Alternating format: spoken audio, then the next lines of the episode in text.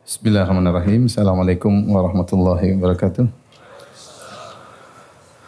Alhamdulillahi ala ihsani wa syukru lahu ala taufiqihi wa amtinani wa asyhadu an la ilaha illallah wahdahu la syarika lahu ta'ziman li sya'nihi wa asyhadu anna Muhammadan abduhu wa rasuluhu da'ila ridwani Allahumma salli alaihi wa ala alihi wa ashabi wa ikhwani hadirin hadirat yang dirahmati Allah Subhanahu wa taala. Kita masih melanjutkan uh, tentang sejarah Bani Israel ya. Kita masih pada Nabi Musa ya. Tatkala bertemu dengan Firaun ya. Nanti setelah itu Firaun tewas, setelah itu Musa keluar dari Mesir sampai kemudian perjalanan menuju Palestina, kemudian sampai di Palestina, baru kemudian sampai penghujung kepada Nabi Sulaiman alaihissalam, baru kemudian terjadi keributan setelah wafatnya Nabi Sulaiman alaihissalam sampai negara Israel sekarang insyaallah taala. Setelah itu baru kita kembali lagi ke sirah Nabi sallallahu alaihi wasallam. Jadi antum sabar bersama saya untuk mendengarkan kisah Yahudi ya. Baik hadirin dan hadirat yang Allah Subhanahu wa taala pada pertemuan yang terakhir telah kita sampaikan Musa pun bertemu dengan Firaun kemudian terjadilah dialog ya dengan Firaun dan ternyata Firaun memang adalah orang yang sangat ya pandai berbicara ya.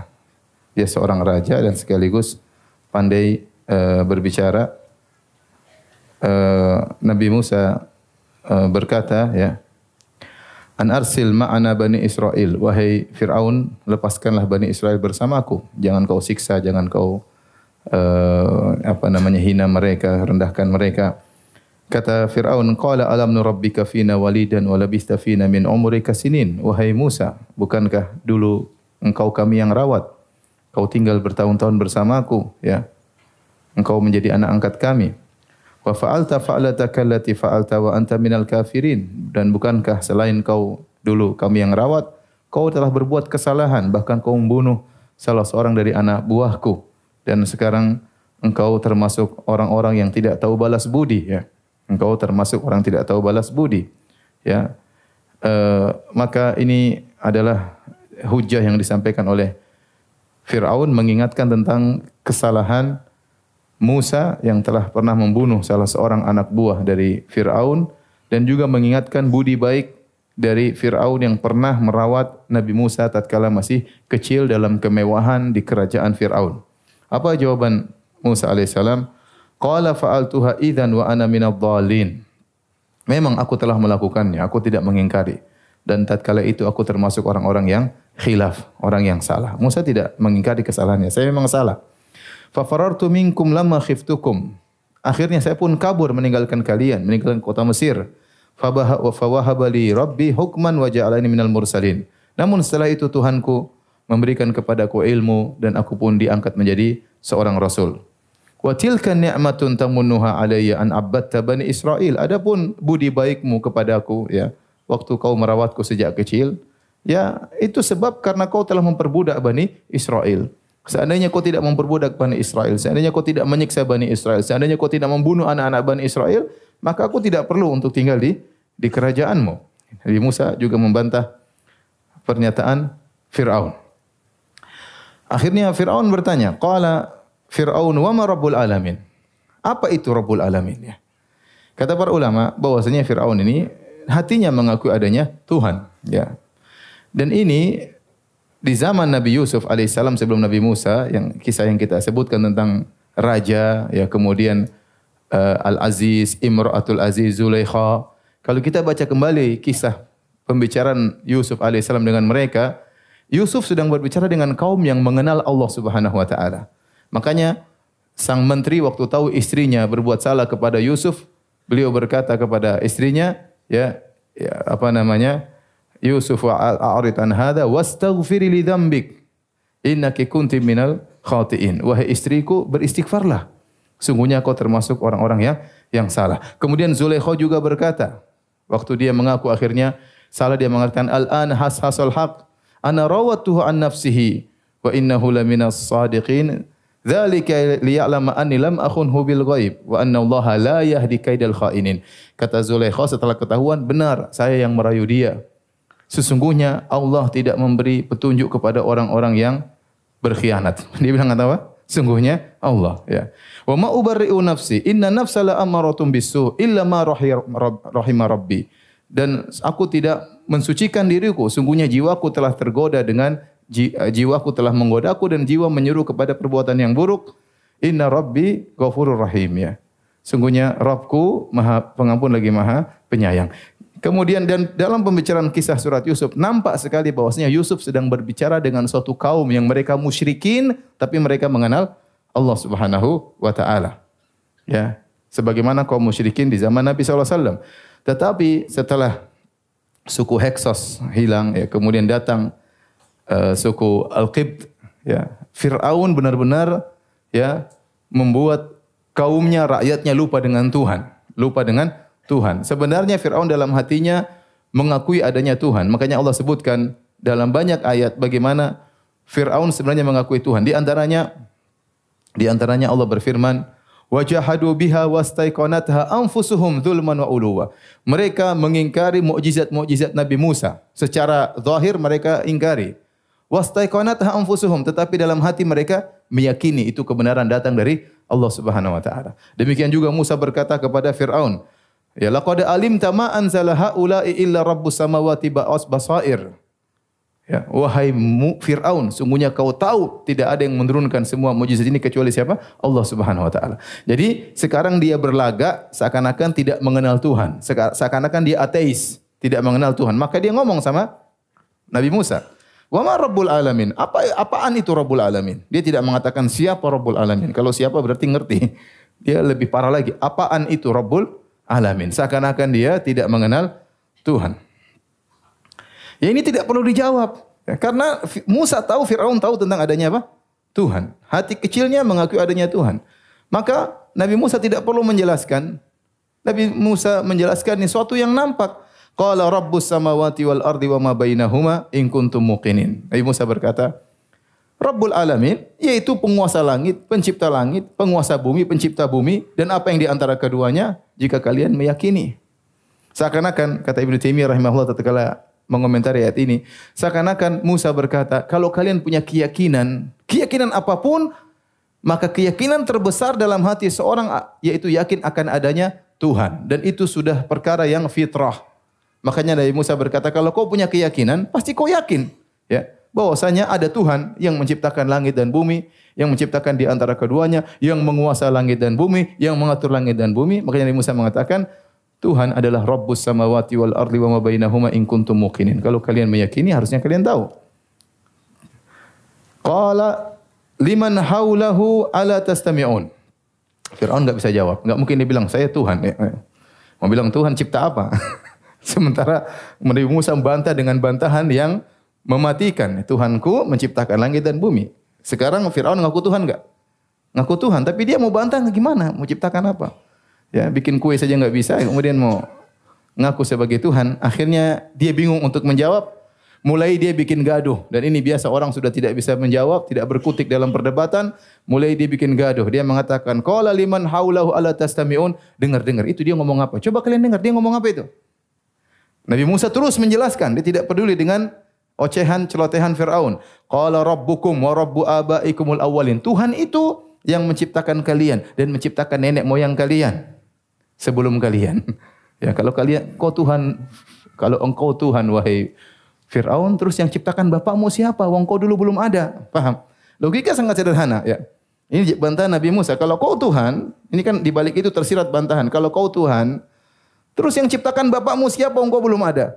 Maka Nabi Musa berkata, Rabbukum wa Rabbu abaikumul awwalin. Tuhan itu yang menciptakan kalian dan menciptakan nenek moyang kalian.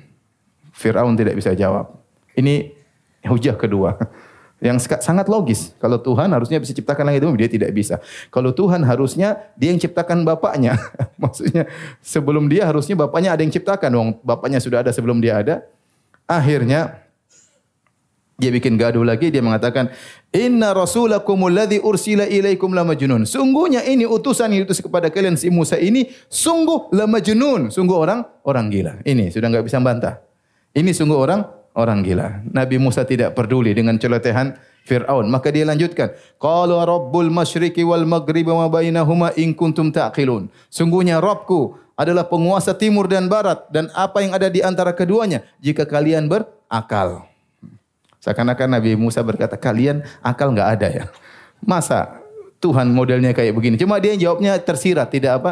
Tidak langsung ya. Karena Allah menyuruh Nabi Musa berkata-kata lembut kepada siapa? Kepada Firaun. Sehingga Nabi Musa membantah dengan tersirat. Dia mengatakan, Tuhanku adalah penguasa langit, penguasa timur dan barat dan apa di antara keduanya jika kalian berakal. Ini dalil bahwasanya kalian sudah tidak berakal sampai bisa percaya orang seperti Firaun ini sebagai Tuhan. Fir yang pertama tahu Firaun itu bukan Tuhan, yang pertama tahu Firaun itu pendusta, Firaun sendiri. Dia tahu dia bukan Tuhan. Dia tahu dia dulu kecil, dia dulu ingusan, dia dulu merangkak, dia tahu. Dia tahu dia lapar, dia tahu dia buang air, dia tahu dia sakit, dia tahu dia takut. Masa itu Tuhan? Tapi karena dia sombong dan dia bodoh-bodohin rakyatnya, rakyatnya semua patuh sama sama dia. Tidak ada cara lain tatkala kala dalam berdebat maka dengan tangan besi. Apa kata Firaun? Qala la in ittakhadhta ilahan ghairi la aj'alannaka minal masjunin. Wahai Musa, kalau kau mengambil ada Tuhan selainku, aku akan sungguh-sungguh penjarakan engkau. Waduh. Sudah, kalau di penjara selesai. Nabi Musa tidak putus asa. Nabi Musa kemudian ambil celah karena Firaun ini orangnya jaga image ya jaga image. Ya, kalau begitu kan berarti kalah debat, rakyatnya lihat, kemudian pembesar-pembesarnya lihat, wah ini main kasar, kalah debat, sudah kalau gitu saya penjara. Akhirnya Musa berkata, "Qala awalau ji'tuka bi syai'im mubin." Bagaimana kalau saya datangkan kepada engkau suatu bukti yang nyata bahwasanya saya utusan Tuhan? Ah, Firaun kepancing. Qala fa'ti bihi. Ayo, mana buktinya kau seorang utusan Tuhan? In kunta minas sadiqin, kalau kau benar-benar jujur. Nah, kita sudah cerita pada pertemuan lalu Musa sudah latihan kan, lempar tongkat, jadi ular, ngambil, sudah latihan enggak? Sudah. Sekarang dengan dia pede, fa'alqa asahu fa idza hiya thu'banum mubin. Maka Musa pun melemparkan tongkatnya tiba-tiba menjadi ular yang bergerak-gerak. Nabi Musa tidak takut ya. Karena dia sudah latihan. Yang lain pada ketakutan. Ini mukjizat yang pertama. Wa naza'a yadahu fa idza hiya baydha'u Kemudian dia keluarkan tangannya tiba-tiba putih, bercahaya, bukan karena sakit tapi ini menunjukkan bahwasanya suku Bani Israel mereka bukan orang yang putih. Ya mungkin kulitnya coklat, ya. Uh, namun kemudian warna tangannya menjadi putih, keluar cahaya di zaman belum lahir Thomas Alva Edison waktu itu. Ini mukjizat, mukjizat. Tapi Firaun memang canggih. Firaun memang apa? Canggih. Pantas dia kalau dia bisa menipu rakyatnya semua dia Tuhan, berarti dia pintar atau tidak? Pintar berarti. Apa kata dia tatkala Musa sudah menunjukkan mukjizat semua? Kata dia, qala lil mala'i haulahu, dia berkata kepada orang-orang di sekitarnya, inna hadza la sahirun alim. Ini memang penyihir hebat. Ini Musa apa penyihir? Hebat. Selesai. Kalau sudah dicap penyihir, apalagi di zaman tersebut, zaman banyak orang melakukan praktek sihir, maka Musa tidak ada nilainya lagi. Kecuali dia hanya seorang apa? Penyihir. Mukjizat yang dia lakukan tidak bisa membuktikan dia utusan Tuhan. Ini dalil atau hujah yang disampaikan oleh Fir'aun. Ini hujah yang sangat cerdas daripada Fir'aun. Famada yuridu an yukhrijakum min ardikum bisihrihi famada ta'murun. Maka dia provokasi rakyatnya. Wahai rakyatku, wahai menteri-menteriku, ini tukang sihir. Apa tujuan dia bikin sihir ini? Dia ingin mengeluarkan kalian dari negeri kalian dengan sihirnya. Kalau gitu apa yang kita lakukan sama orang ini? Provokator ya. ya ini tukang sihir Tujuan dia melakukan sihir agar kita terusir dari negeri kita Mesir ini. Apa yang kalian perintahkan kepadaku? Firaun jaga image. Oh ya apa? Akhirnya anak buahnya terpancing, tidak bilang bunuh, penjara enggak. Anak buahnya berkata, "Qalu arjih wa akhahu wa ba'ath fil madaini hasyirin ya'tuka bi kulli saharin alim." Wahai Musa kalau begitu, wahai Firaun, kalau begitu begini saja. Kau utus seluruh orang-orang untuk datangan penyihir dari berbagai tempat, kemudian duel sama Musa.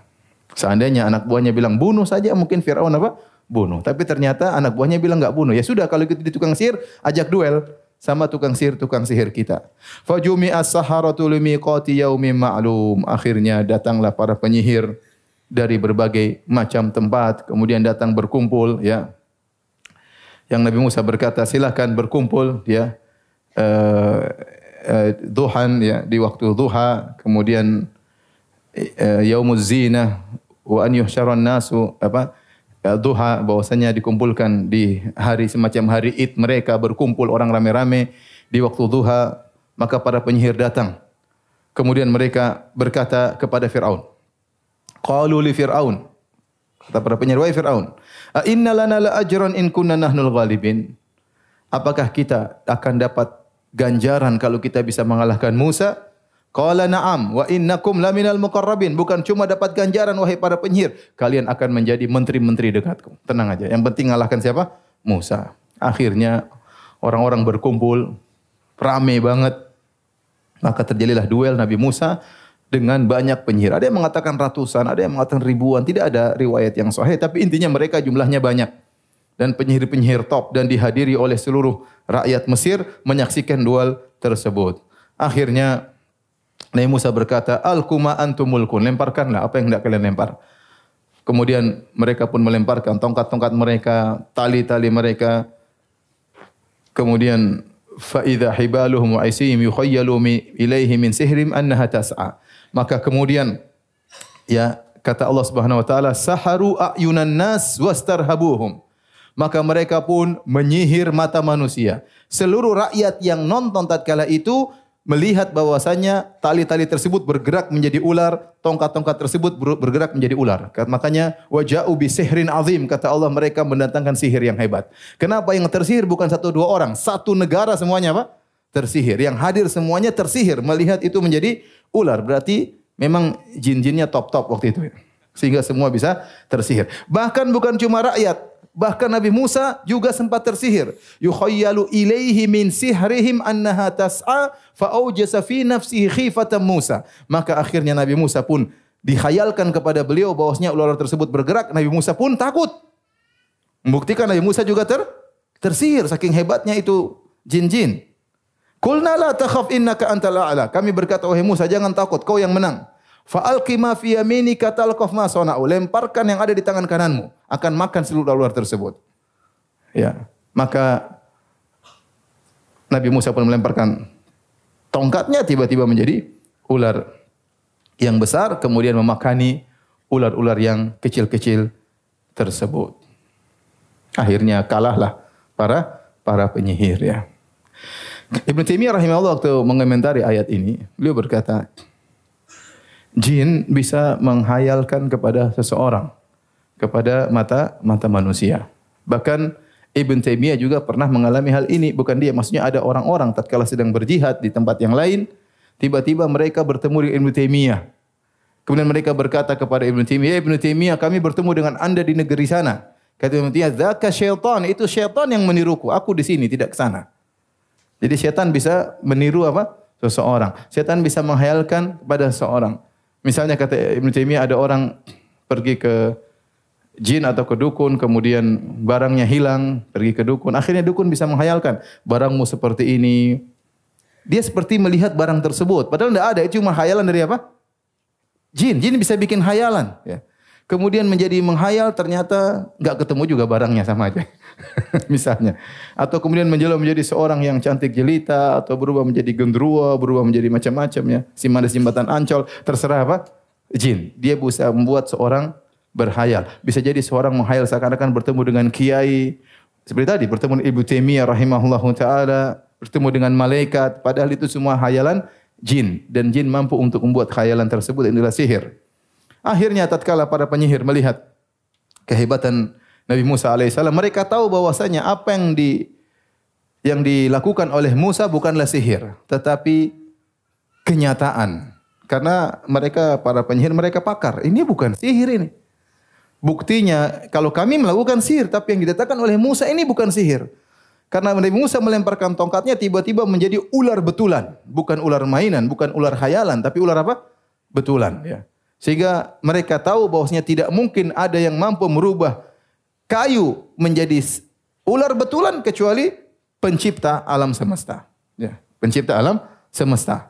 Maka akhirnya mereka beriman kepada Nabi Musa, kemudian faul saharatu sujada. Mereka pun sujud kepada Allah Subhanahu wa taala. Tatkala itu juga qalu amanna bi rabbil alamin. Kata mereka kami beriman kepada Rabbul Alamin. Rabbi Musa wa Harun. Kami beriman kepada Rabbnya Musa dan Rabbnya Harun. Fir'aun pun marah Qala amantum lahu qabla an adzana lakum. Kalian berani beriman kepada Musa sebelum aku izinkan kalian. Innahu lakabirukum alladhi 'allamakumus sihr. Sungguhnya Musa itu memang guru kalian yang telah mengajari sihir pada kalian. Di sini nampak kecerdasan Firaun.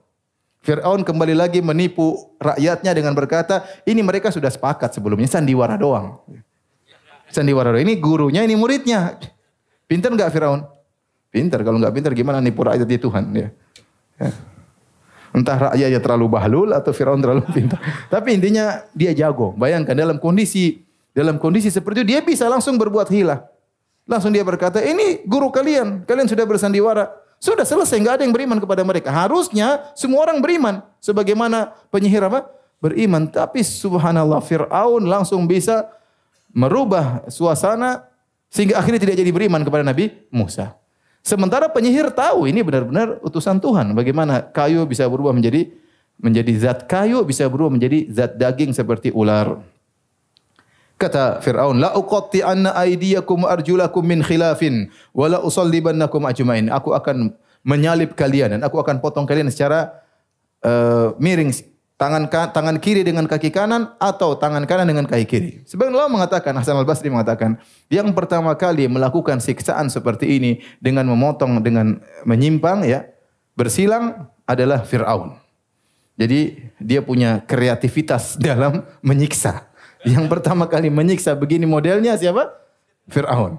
Potong tangan kiri, kaki kanan. Ya orang kan biasanya kaki potong dua-dua atau, atau tangan potong dua. Tapi dia agak agak miring, potong tangan kiri dengan kaki kanan. Atau tangan kanan dengan kaki kiri. Maksudnya apa? Allah alam. Pokoknya dia berkreativitas. Kata para penyihir, Qalu la dhair. Tidak ada masalah. Inna ila rabbina munqalibun. Ya. Kami kembali kepada Rabb kami. Dalam ayat yang lain kata mereka, faqdi ma qad, innama taqdi hadhil hayatad dunya. Para penyihir berkata, Rabbana afrik alaina sabra. Ya Rabb kami, berikanlah kami kesabaran. Minta kepada Allah. Dalam kondisi-kondisi genting, seorang berdoa kepada Allah agar diberi apa? Kesabaran. Sekarang mereka beriman dan diancam untuk dibunuh, bukan sekedar dibunuh, disiksa. Bayangkan dipotong tangan kiri dengan kaki kanan, kemudian disalib, tidak langsung mati, disiksa. Dan ini Fir'aun ancam mereka, maka mereka berdoa kepada Allah, Ya Allah, berikanlah kami kesabaran. Setelah Allah berikan mereka kesabaran, dengan kokoh mereka berkata, Faqdima antaqad. Silakan bunuh kami. Silakan putuskan apa yang kau putuskan. Innama taqdi hadhil hayatad dunya. Kau hanya menghilangkan kehidupan dunia ini. Inna amanna bi rabbina liyaghfir lana khatayana. Sungguhnya kami beriman kepada Rabb kami agar Rabb kami mengampuni segala dosa-dosa kami yang telah yang telah lalu. Maka mereka pun dibunuh dan mereka juga masuk akhirnya masuk apa? Sur surga. Bayangkan para penyihir Firaun yang puluhan tahun terjerumus dalam kesyirikan, bahkan di antara kesyirikan yang paling parah yaitu bekerja sama dengan setan, melakukan sihir, bahkan mata pencaharian mereka adalah sihir, bahkan mereka datang untuk berduel dengan utusan Tuhan ingin mengalahkan utusan Tuhan Nabi Musa alaihissalam. Tiba-tiba Allah kasih hidayah kepada mereka dalam sekejap mereka beriman hidup tidak lama akhirnya masuk apa? Surga menghapuskan seluruh dosa-dosa mereka yang telah lalu selama puluhan tahun. Taib. Hadirin yang hati Allah Subhanahu wa taala. Setelah kalahnya para penyihir dalam duel tersebut, maka Firaun masih terus ya menyiksa Bani Israel dan dia tidak membunuh Nabi Musa. Karena Nabi Musa menang dalam duel ya. Hmm, kalau dia bunuh Musa ya berarti dia anu lah enggak jaga image berarti. Masa kalah kemudian main bunuh ya dia ingin jaga image di hadapan apa? rakyatnya. Tuhan harus berwibawa ya intinya. intinya dia tidak Nabi Musa dan dia terus melancarkan gangguannya kepada Bani Israel dan disebutkan Nabi Musa masih hidup ada yang mengatakan 20 tahun, ada yang mengatakan 40 tahun setelah itu kejadian tersebut sebelum Nabi Musa keluar dari Mesir. Sebelum Nabi Musa keluar dari Mesir. Allah Subhanahu wa taala menyebutkan dalam surat Al-A'raf ayat 139 dan seterusnya akhirnya mereka terus ya menyiksa uh, kaum Al-Qibti, suku Qibti ya. Kemudian akhirnya kaum Nabi Musa mengeluh kepada Nabi Musa. Qalu udzina min qabli an ta'tiyana wa min ba'di ma ji'tana. Wahai Musa, sebelum kau datang kami sudah disiksa, diperbudak, dipekerjakan. Ya. diperbudak, dihina dan yang lainnya. Wa min ba'di ma ji'tana kau datang pun kami sekarang masih disiksa. Jadi mereka ngeluh ya. Anak-anak kami dibunuh, kami jadikan budak, kemudian yang lainnya. Bagaimana wahai Musa? Qala asa rabbukum ayyuhlika aduwakum wa yastakhlifakum fil ardi. Semoga Rabb kalian membinasakan musuh kalian dan menjadikan kalian berkuasa di atas muka bumi fayanzura kaifat atau menggantikan mereka di atas muka bumi fayanzura kaifa ta'malun dan Allah melihat apa yang akan kalian kerjakan di atas muka bumi ini. Ternyata tidak secepat yang diduga. 20 tahun baru kemudian atau sebagian ulama mengatakan 40 tahun baru kemudian perkataan Nabi Musa ini dikabulkan. Ya. Jadi tidak semua maksudnya doa harus dikabulkan secara cepat. Ya. Ada hikmah-hikmah yang Allah kehendaki, ada skenario yang Allah kehendaki. Kita boleh berdoa tapi dikabulkan cepat atau lambat terserah Allah Subhanahu wa taala. Saya katakan tentang diri saya sendiri. Saya sekarang berdoa, berdoa, berdoa, berdoa tidak dikabulkan. Terkadang saya sudah lupa doa tersebut. Ternyata dua tahun kemudian baru Allah kabulkan. Ternyata tiga tahun kemudian Allah kabulkan. Berarti waktu itu belum pas untuk Allah kabulkan. Ber, berkaitan dengan keimanan kita, dengan kemaslahatan kita. Karena yang lebih tahu tentang maslahat kita adalah Allah daripada kita kita sendiri. Baik. Mulai Allah bikin rencananya, Allah memberi ujian-ujian kepada Fir'aun dan para, para pengikutnya. Kata Allah Subhanahu wa taala, "Wa laqad akhadna ala fir'auna bisinin." Sungguh kami telah menyiksa Firaun dan pengikutnya bisinin dengan musim kemarau berkepanjangan.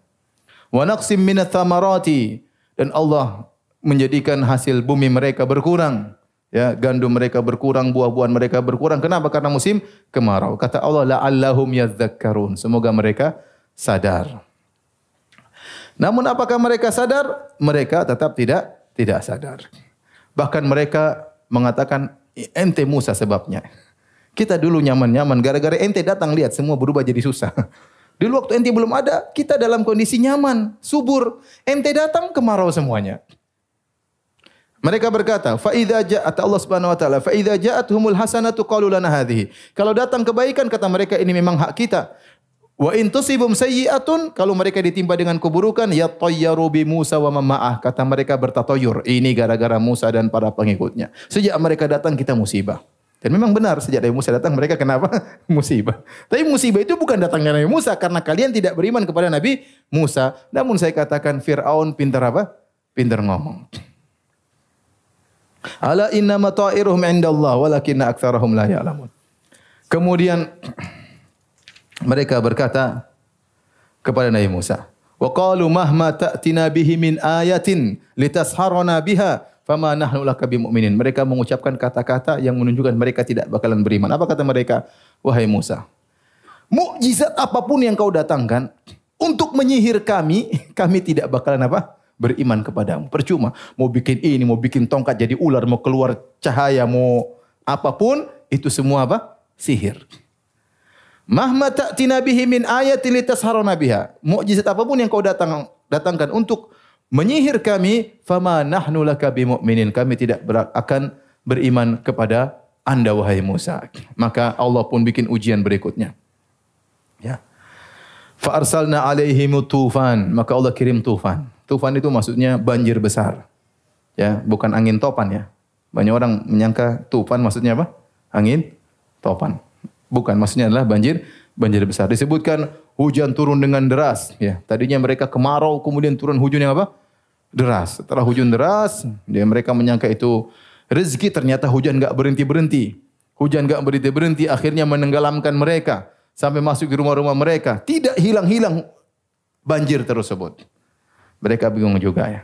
Akhirnya mereka bilang, wahai Musa, berdoalah kepada Tuhanmu. La in kasyafta anni rijza kalau ternyata Allah hilangkan ini la in kasyafta anna rijza lanu'minanna laka. Sungguh kami akan beriman kepada engkau. Wala nursilanna ma'aka bani Israel dan kami akan membebaskan bani Israel untuk pergi dengan engkau.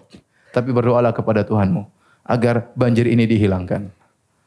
Setelah mereka putus asa, akhirnya Nabi Musa berdoa, Ya Allah hilangkan banjir tersebut.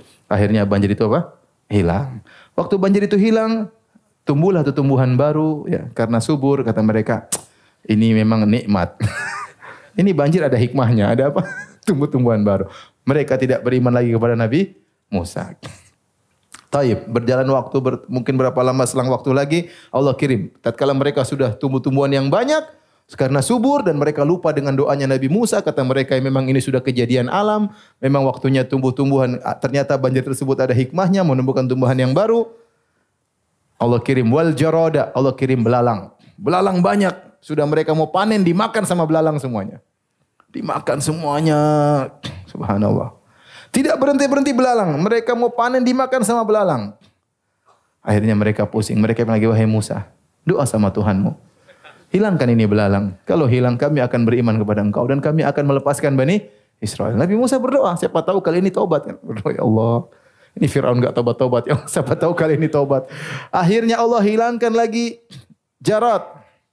Waktu hilang masih ada sisa sedikit. Belum sempat dimakan oleh belalang kata mereka. Ini ujian, jadi kita makan sisanya aja. Gak mau beriman sama Nabi Musa. Akhirnya mereka bisa bisa makan. Tidak lagi mau beriman kepada Nabi Musa. Seakan-akan ini semua kejadian-kejadian alam.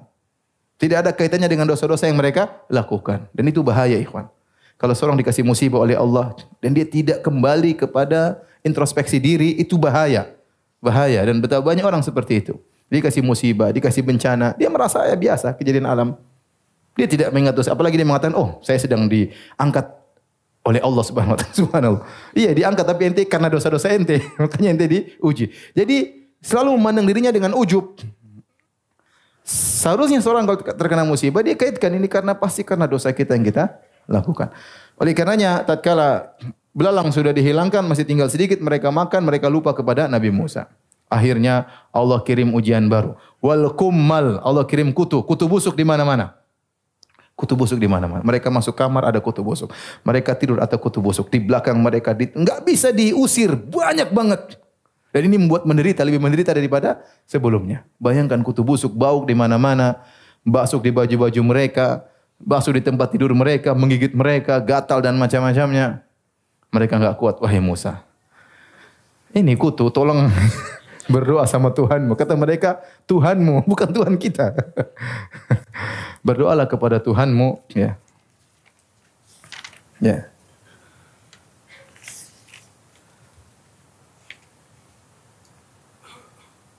Mereka berkata, Ya Musa, udu alana, udu ulana rabbaka bima ahida indak. Ya Musa, doalah kepada Tuhanmu. Jadi mereka belum mengakui Allah sebagai apa? Tuhan. Ya. Oleh karenanya Fir'aun memang Fir'aun menanamkan kepada rakyatnya bahwasanya tidak ada Tuhan, Tuhan cuma dia sendiri. Makanya waktu Nabi Musa eh, mengatakan, Kau tahu wahai Fir'aun, laqad alimta ma anzala haula ila rabbus samawati wal ardh. Tidak ada yang menurunkan ini semua kecuali tidak ada yang menurunkan ini semua mukjizat kecuali penguasa langit dan bumi. Nabi Musa mengabarkan bahwa Tuhannya di atas, maka Fir'aun menantang Fir'aun berkata kepada panglimanya, "Wa ya Haman ibn li sarhal la'alli ablughul asbab, asbab as-samawati fa'attali ila ilahi Musa wa inni la adhunnuhu kadhiba." Wahai panglima Haman, tolong bikin tangga yang tinggi. Saya mau tengok di langit, ada Tuhannya Musa atau tidak? Saya pasti yakin dia itu dusta, di atas enggak ada Tuhannya. Sehingga kata para ulama, orang yang meyakini Tuhan di atas mengikuti keyakinan Nabi Musa alaihissalam. Yang mengingkari Tuhan di atas ikut-ikutan sama siapa? Fir'aun. Jadi dia ingin menekankan kepada rakyatnya bahwasanya tidak ada Tuhan. Sehingga apa pun pengakuan Musa dia ingin bantah. Tetapi tatkala dalam kondisi sulit, hati kecilnya tahu ada Tuhan. Maka dia bilang, wahai Musa, berdoa agar hilangkan kutu. Akhirnya Nabi Musa berdoa, kutu semua hilang. Dan yang menakjubkan, tatkala terjadi musibah-musibah tersebut, kata para ahli tafsir, tidak menimpa rumah-rumah Bani Israel. Jadi kutu-kutu tidak ke rumah Bani Israel. Belalang-belalang tidak makan hasil panen Bani Israel. Ya. ya. Banjir hanya daerah Fir'aun dan teman-temannya. Bani Israel tidak kebanjiran. Mereka punya kampung sendiri. Tatkala sudah dihilangkan mereka kufur lagi kepada Nabi Musa, Allah kirim wadhafadi, Allah kirim kodok. Wes kodok di mana-mana. Kodok di mana-mana, ya. Disebutkan sampai tidur ada kodok, mau ini ada kodok. Sampai mereka takut bicara. Kalau mereka bicara, kodok langsung masuk. Karena kodok loncat. Jadi saking banyaknya apa? Kodok. Akhirnya mereka ya Musa ini kodok hilangkan. Insya Allah kita beriman habis ini. Ternyata Nabi Musa berdoa. Kodok hilang tetap saja apa? Ngeyel. Kafir lagi subhanallah. Betapa kuat syubhatnya Fir'aun. Akhirnya Allah kirim lagi wadama, Allah kirim darah. Darah semua sumber air mereka jadi darah. Mereka ke sungai Nil jadi sungai darah. Mereka ke sumur, mereka ambil air, diangkat jadi darah.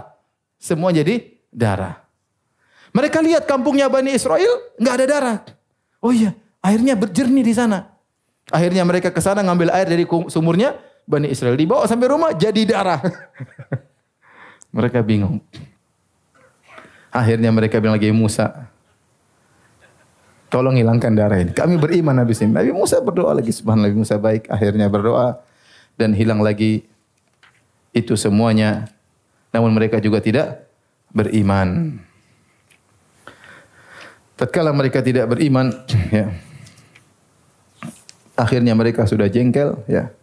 Mereka ingin membunuh ya Bani Israel.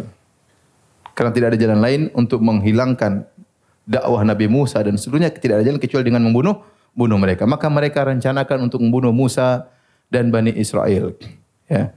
Maka Allah memperingatkan Nabi Musa, "Walaqad auhayna ila Musa an asri bi ibadi fadrib lahum tariqan fil bahri yabasa la takhafu darakan wa la takhsha." Maka kata Allah Subhanahu wa taala, sungguh kami telah mewahyukan kepada uh, Musa untuk membawa pergi hamba-hambaku di malam hari. Keluar diam-diam di malam hari. Ya, karena Firaun dan belantaranya hendak membunuh Musa dan para pengikutnya, ya. Akhirnya keluarlah Nabi Musa bersama uh, para pengikutnya berjalan menuju ke Laut Merah. Ya. Akhirnya tatkala mereka sudah pergi, pagi-pagi Fir'aun baru sadar. Karena dia Tuhan tapi tidur ya, jadi nggak ngerti apa yang terjadi di sekitarnya. Ya, ini Tuhan Bahlul ya. uh, sudah pergi semuanya, ngamuk dia ngamuk ya. Maka kemudian ya kata Allah Subhanahu wa taala dalam surat Asy-Syu'ara, fa arsala fir'aunu fil madaini hasyirin. Maka dia kumpulkan seluruh pasukannya di seluruh kota-kota, di kampung-kampung, di seluruh RW-RW kumpul semuanya. Lurah kelurahan semua dikumpulkan. Semua anak buahnya dia kumpulkan. Dia lagi ngamuk banget. Kemudian dia berkata, "Inna haula'i lasyirdzimatun qalilun." Sungguhnya mereka Bani Israel hanyalah golongan sedikit. Ingat kata ini nanti akan kita bahas suatu saat. Fir'aun waktu mensifati Bani Israel, dia berkata, Inna ha'ula'i lasyidhimatun qalilun. Sungguhnya Bani Israel cuma sedikit, kita banyak. Wa innahum lana laga'idhun. Sungguhnya mereka yang sedikit itu telah membuat kita murka. Wa inna la jami'un hadirun. Dan kita adalah kelompok yang selalu waspada, berjaga-jaga untuk menangkap mereka. Maka mereka pun keluar. Dan mereka keluar rame-rame seluruhnya. Kata para ulama seluruhnya diajak. Karena mereka ingin pesta membunuh Bani Israel. Maka semua diajak, tidak seorang pun dibiarkan. Semuanya diajak. Menteri-menterinya, rakyatnya, algojo-algojonya, laki-laki, perempuan, semua diajak untuk mengejar siapa? Musa dan para pengikutnya. Kata Allah, fa'akhrajnahum min jannati wa uyun. Allah cerita tentang indahnya Mesir. Kami pun mengeluarkan mereka dari kebun-kebun yang indah di Mesir, dari mata air-mata air yang mengalir di Mesir. Semua kekayaan mereka tinggalkan ya, menuju apa? Kematian. Mereka sudah jadi raja berpuluhan tahun dengan keindahan ya. Semuanya Allah keluarkan mereka. Kata Allah, fa akhrajnahum min jannati wa uyun. Kami keluarkan mereka dari kebun-kebun mereka yang indah, dari mata air-mata air yang indah. Wa kunuzin wa maqamin karim. Dari harta-harta yang banyak yang mereka miliki. Dari kedudukan yang mulia sebagai raja dan bangsa yang mulia. Kadzalika wa arafnaha bani Israel. Suatu hari kami akan mewariskan ini kepada bani Israel. Disebutkan yaitu di zaman Nabi Sulaiman alaihissalam. Akhirnya apa? Fa'atba'uhum musyrikin. Tatkala matahari menyingsing, terbit, maka akhirnya ketemuan. Karena Nabi Musa kan orang-orang susah, orang-orang tua, nenek-nenek. Jadi nggak bisa cepat, jalannya pelan, pelan, pelan. Akhirnya kesusul. Kesusul. Kesusul di mana? Pas waktu mereka tersusul, di hadapan mereka ada laut merah. Kata Allah Subhanahu wa taala, "Falamma tara al-jam'ani qala ashabu Musa inna lamudrakun." Tatkala sudah saling melihat di antara dua kelompok, kelompoknya Musa dan kelompoknya Firaun, maka berkatalah pengikut Nabi Musa, "Inna lamudrakun." Kita bakalan ketangkap. Sebagian ahli tafsir mengatakan mereka yang ngajak Nabi Musa, "Ya Musa, katanya kita selamat, ini mau ke mana lagi?" Di depan ada laut merah, di belakang ada pasukan Fir'aun. Mau ke mana? Kita pasti ketangkap. Nabi Musa dengan penuh keyakinan, Kalla inna ma'ya rabbi sayahdin. Ini orang yang beriman. Semakin dalam kondisi sulit, dia semakin tawakal kepada Allah Subhanahu wa taala. Dia berkata sekali-sekali tidak, sungguhnya Robku akan memberi petunjuk kepadaku. Maka Allah berkata, "Fa'auhayna ila Musa an idrib bi asakal bahar." Wahai Musa, pukulkan tongkatmu kepada lautan. Sebenarnya enggak usah pukul tongkat, laut bisa terbelah. Tetapi Allah ingin memuliakan Nabi Musa. Ya. Maka dia bisa pukul tongkat. Hmm.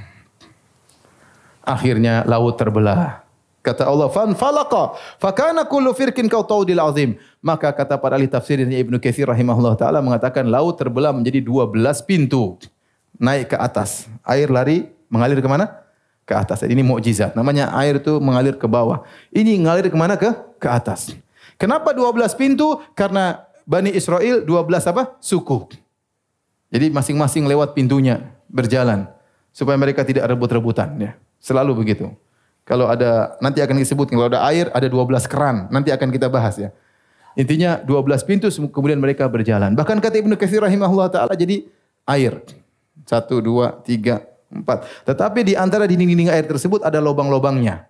Sehingga mereka bisa saling melihat. Karena mereka bilang, Musa jangan-jangan yang sana sudah tenggelam. Jangan-jangan suku sana sudah tenggelam. Eh, semeh, jangan banyak omong, lihat nih. Kebuka, kebuka, kebuka. Jadi mereka saling apa? Melihat. Jadi mereka selalu curiga-curiga sama siapa Nabi? Musa. Jadi dibuka oleh Allah, dibuka sehingga meskipun ada dinding ada lubang-lubangnya. Bisa oh masih selamat jalan bareng. Tapi akhirnya mereka berjalan, berjalan, berjalan, berjalan sampai di ujung. Ya, sebentar. Saya bukakan dalam surat uh, Ad-Dukhan.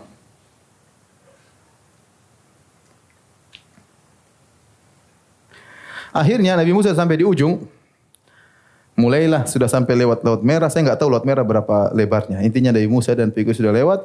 Fir'aun dan balentaranya baru sampai di ujung sini. Nabi Musa ingin pukul tongkatnya supaya laut kembali tertutup agar mereka selamat. Kata Allah, "Watrukil bahra rahwan." Watrukil bahra rahwan. Wahai Musa, jangan pukulkan tongkatmu. Biar laut terbelah sedikit se se seperti sebelumnya. Akhirnya laut ter tetap terbelah. Tatkala itu Firaun tahu ini musibah ini. Karena dia tahu ini memang ini memang saya membangkang sama Tuhan, tapi sudah terlanjur. Saya bilang Firaun jaga image ya. Ya gimana sudah ngaku Tuhan. Sampai kata Ibnu Katsir, fatajallada Firaun. Firaun akhirnya sok kuat padahal dia sudah gelisah ini bakalan mati tapi ya apa boleh buat ya udahlah. Akhirnya dia pintar ngomong, "Wahai rakyatku, lihat laut terbelah untukku." Wis. Mau mampus masih pede. Akhirnya Firaun jalan. Lihat, laut terbuka untukku. Dasar rakyatnya bodoh semua. Ngikut akhirnya. Ngikut, ngikut, ngikut. Sudah sampai tengah-tengah mau di ujung. Nabi Musa tinggal punggul tongkat lagi. kembali lagi. Waktu laut kembali tertutup, di situlah Fir'aun kemudian beriman. Falamma adrakahul gharaku qala amantu annahu la ilaha illa alladhi amanat bihi banu Israel. Tatkala Musa tahu akan eh, Firaun tahu akan tenggelam dia berkata aku beriman Sungguhnya tidak ada yang berhak disembah kecuali Tuhannya Bani Israel. Yaitu dia mengucapkan la ilaha illallah. Oleh karenanya kata yang terakhir keluar dari Fir'aun apa? La ilaha illallah. Tapi apa bermanfaat? Tidak bermanfaat. Akhirnya datang dalam hadis yang hasan, Jibril alaihissalam lihat Fir'aun komat kamit, dia ambil pasir masukin biar biar nggak banyak nggak banyak ngomong ya. Karena kalau ngomong-ngomong nanti Allah maafkan. Jibril tidak mau. Kata para ulama, Jibril tidak mau Fir'aun khawatir terkena rahmat Allah ya. Karena Jibril tahu betapa rahmatnya, rahmatnya Allah subhanahu wa ta'ala. Jibril lebih tahu tentang Allah daripada kita. Ini kalau Fir'aun komat kami, astagfirullah, astagfirullah bahaya. Bergunding masukin apa?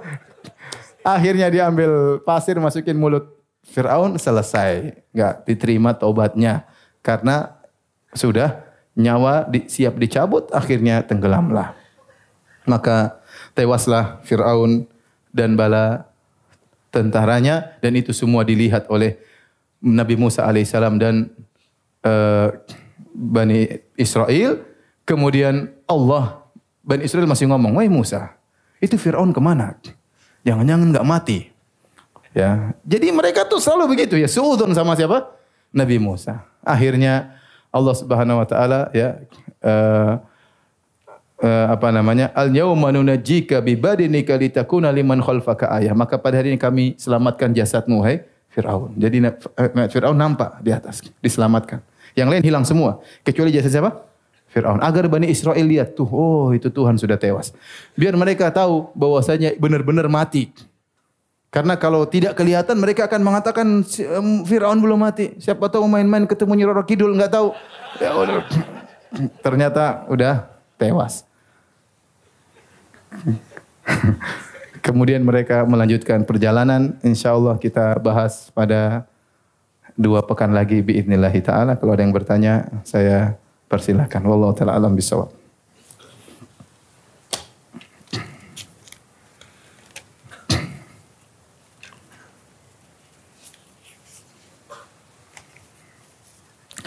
Ustadz, rakyat Fir'aun jika meninggal sebelum diutusnya Nabi Musa, apakah tetap dianggap mati dalam keadaan kafir?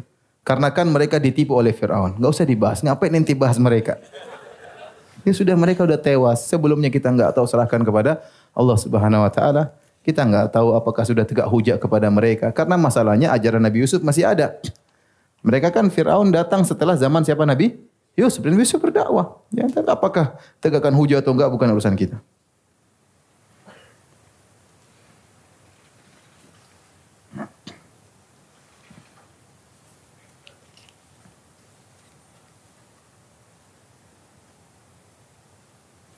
Pak Ustaz, para penyihir berubah berubah berubah beriman kepada Allah. Akhirnya dihapuskan semua dosa mereka terdahulu. Bagaimana dengan para korban penyihir tersebut? Orang-orang yang sudah mereka zalimi. Bukankah seorang tidak masuk surga sebelum kezaliman antara Bani Adam terselesaikan Pak Ustaz? Benar, itu hukum asal. Jika kita menzalimi seorang, maka dia akan menuntut pada hari kiamat. Kecuali rahmat Allah yang mengampuni hamba tersebut.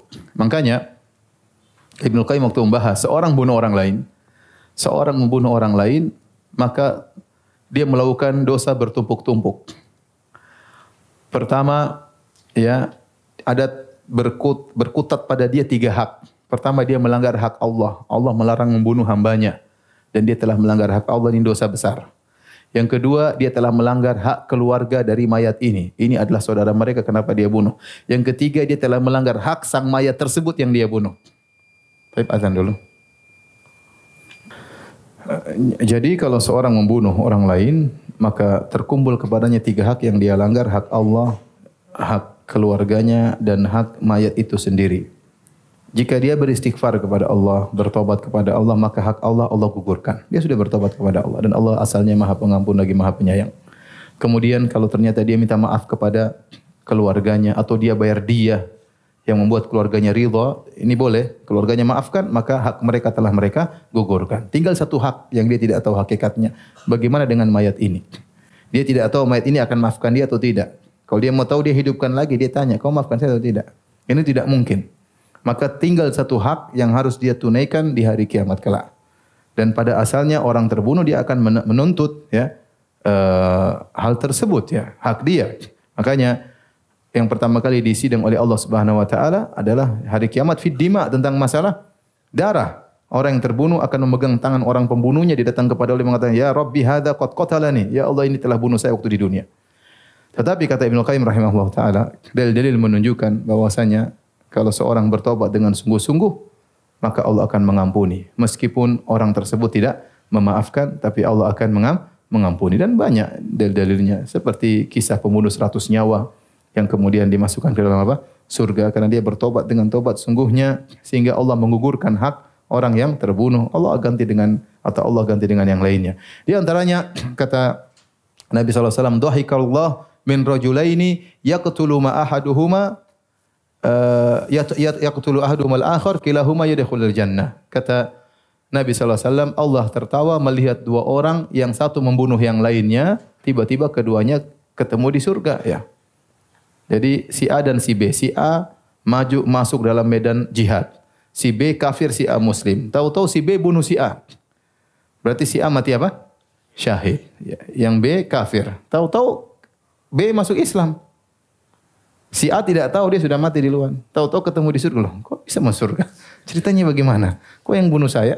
saya yang mati syahid, kok juga masuk gimana ceritanya? Oh, kok enggak oh ceritanya? Dulu saya bertobat. saya hijrah ya. Jadi bisa jadi penyihir tersebut mungkin telah mendorimi banyak orang, tapi Allah am, ampuni karena taubat mereka yang luar biasa. Oleh karena taubat bertingkat-tingkat. Tidak semua orang hijrah hijrahnya sama. Tidak semua orang taubatnya taubatnya apa? Sama. Lihat kisah seorang wanita yang berzina, kemudian dia bertobat kepada Allah, minta ditegakkan hukum had, kemudian dia dirajam sampai meninggal dunia. Kata Nabi SAW, Laqad tabat taubatan, la wuzi'at ala sab'ina min ahli Madinah, la wasi'atu mau kama qala Nabi SAW. Kata Nabi SAW, wanita ini telah bertobat dengan tobat yang agung. Kalau dibagi untuk 70 orang bertobat, bisa diterima oleh Allah Subhanahu wa taala. Berarti tobat itu bertingkat-tingkat. Sebagaimana hijrah juga ber tingkat-tingkat. Ada orang hijrah-hijrahan, ada hijrah betulan, ada ikut-ikutan ya. Ada hijrah kanan kiri tergantung.